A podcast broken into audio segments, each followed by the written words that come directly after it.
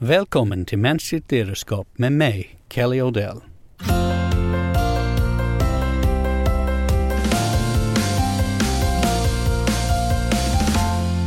Under den här serien med inspelningar kommer vi ta upp lite olika ämnen som kan beröra ledarskap, motivation, medarbetarskap och lite allt möjligt som har att göra med att lyckas i dagens komplexa organisationer. Vi kan ha intervjuer med intressanta personer som har olika perspektiv på verksamheten.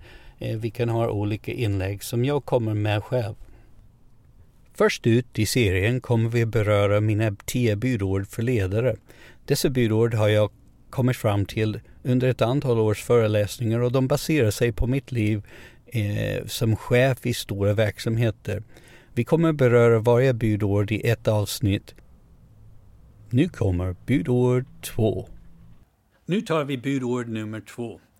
Den heter Våga delegera. Du är chef för att leda andra, inte för att du själv har alla svar.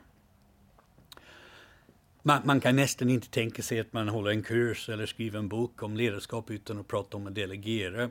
Den här håller på att bli gränsen till, tycker jag, en, en floskel.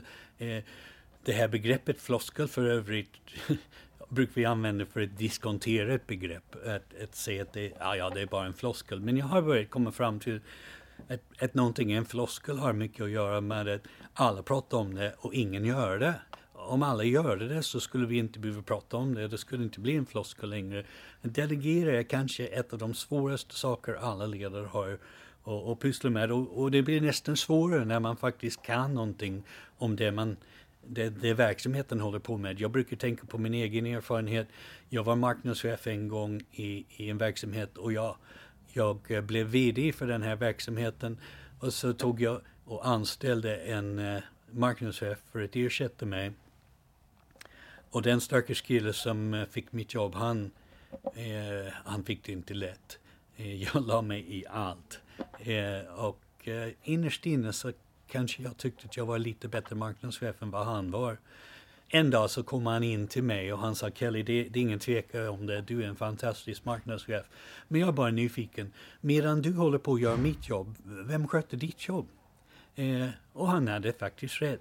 Mitt jobb var inte att göra hans jobb.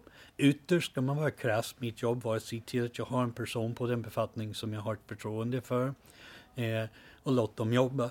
Eller så behöver jag byta ut honom om jag inte tror att jag kan utveckla honom. Så i, i, i, under inga omständigheter är mitt jobb att göra hans jobb.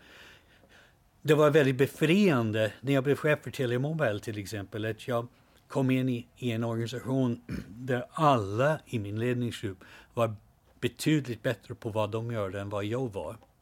Eh, det var experter inom telekom, eh, eh, lagstiftning, det var experter inom teknikområden, det var experter på alla områden.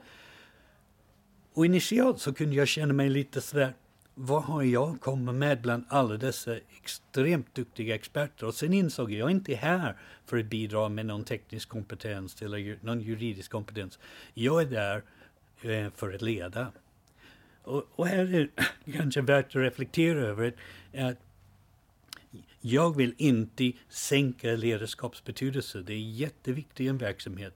Men det är inte viktigare än andra färdigheter. Det är inte viktigare än teknisk kompetens. Det är inte viktigare än ekonomisk kompetens. Det är en av de många viktiga kompetenser vi behöver för att driva eh, en verksamhet.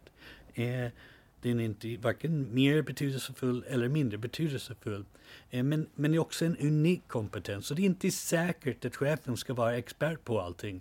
Nu, jag brukar gå, gå så långt att säga att det skadar inte om chefen kan någonting om vad verksamheten håller på med. Eh, men han, han eller hon behöver inte vara expert på allting. Så vi behöver verkligen lära oss att delegera. Men delegera betyder också släppa tag. Eh, våga låta folk sköta saker. Våga låta folk göra på sitt sätt och acceptera att det kanske inte blir precis som du har tänkt. Det kanske till och med blir bättre.